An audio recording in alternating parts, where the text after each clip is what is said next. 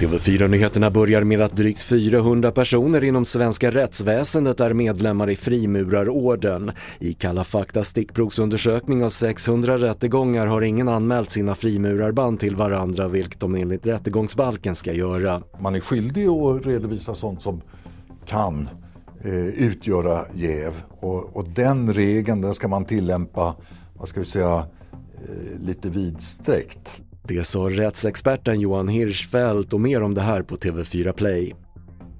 Tyskland kommer inte att skicka stridsflyg till Ukraina, det säger landets förbundskansler Olaf Scholz till Tagerspiegel. Och han varnar för en tävling om olika vapensystem och menar att det vore oseriöst att diskutera stridsflyg så kort efter beslutet om att skicka stridsvagnar.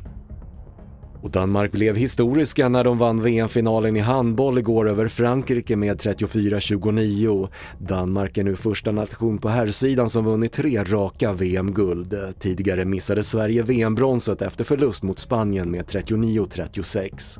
Fler nyheter på TV4.se. Jag heter Patrik Lindström.